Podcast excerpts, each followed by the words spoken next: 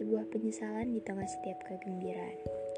Rasanya semua langkah yang kemarin diambil tidak ada yang tepat dan benar.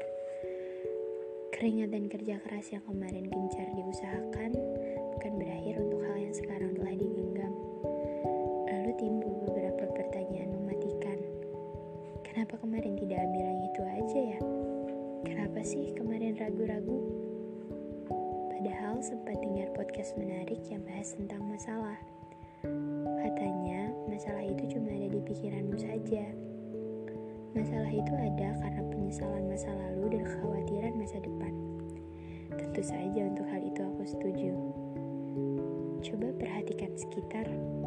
Belum tentu tempat yang kamu agungkan punya teman yang menerimamu tanpa imbalan. Belum tentu setiap materi yang katanya ingin kamu selami tersimpan di otakmu atau bahkan malah membuat kamu mati kelabakan. Karena banyak hal-hal kecil yang sering kali terlewati dan tanpa sadar, entah kapan bisa ditemui dan didapatkan di tempat lain.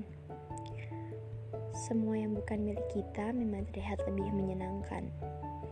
Padahal kalau dipikir-pikir, orang lain bukannya juga melihat hal yang sama ya ke kita. Mereka melihat punya kita lebih baik daripada punya mereka. Mereka mikir kenapa jalan kita bisa lebih mudah ya dari mereka. Dan itu juga kan yang kita pikirkan tentang mereka.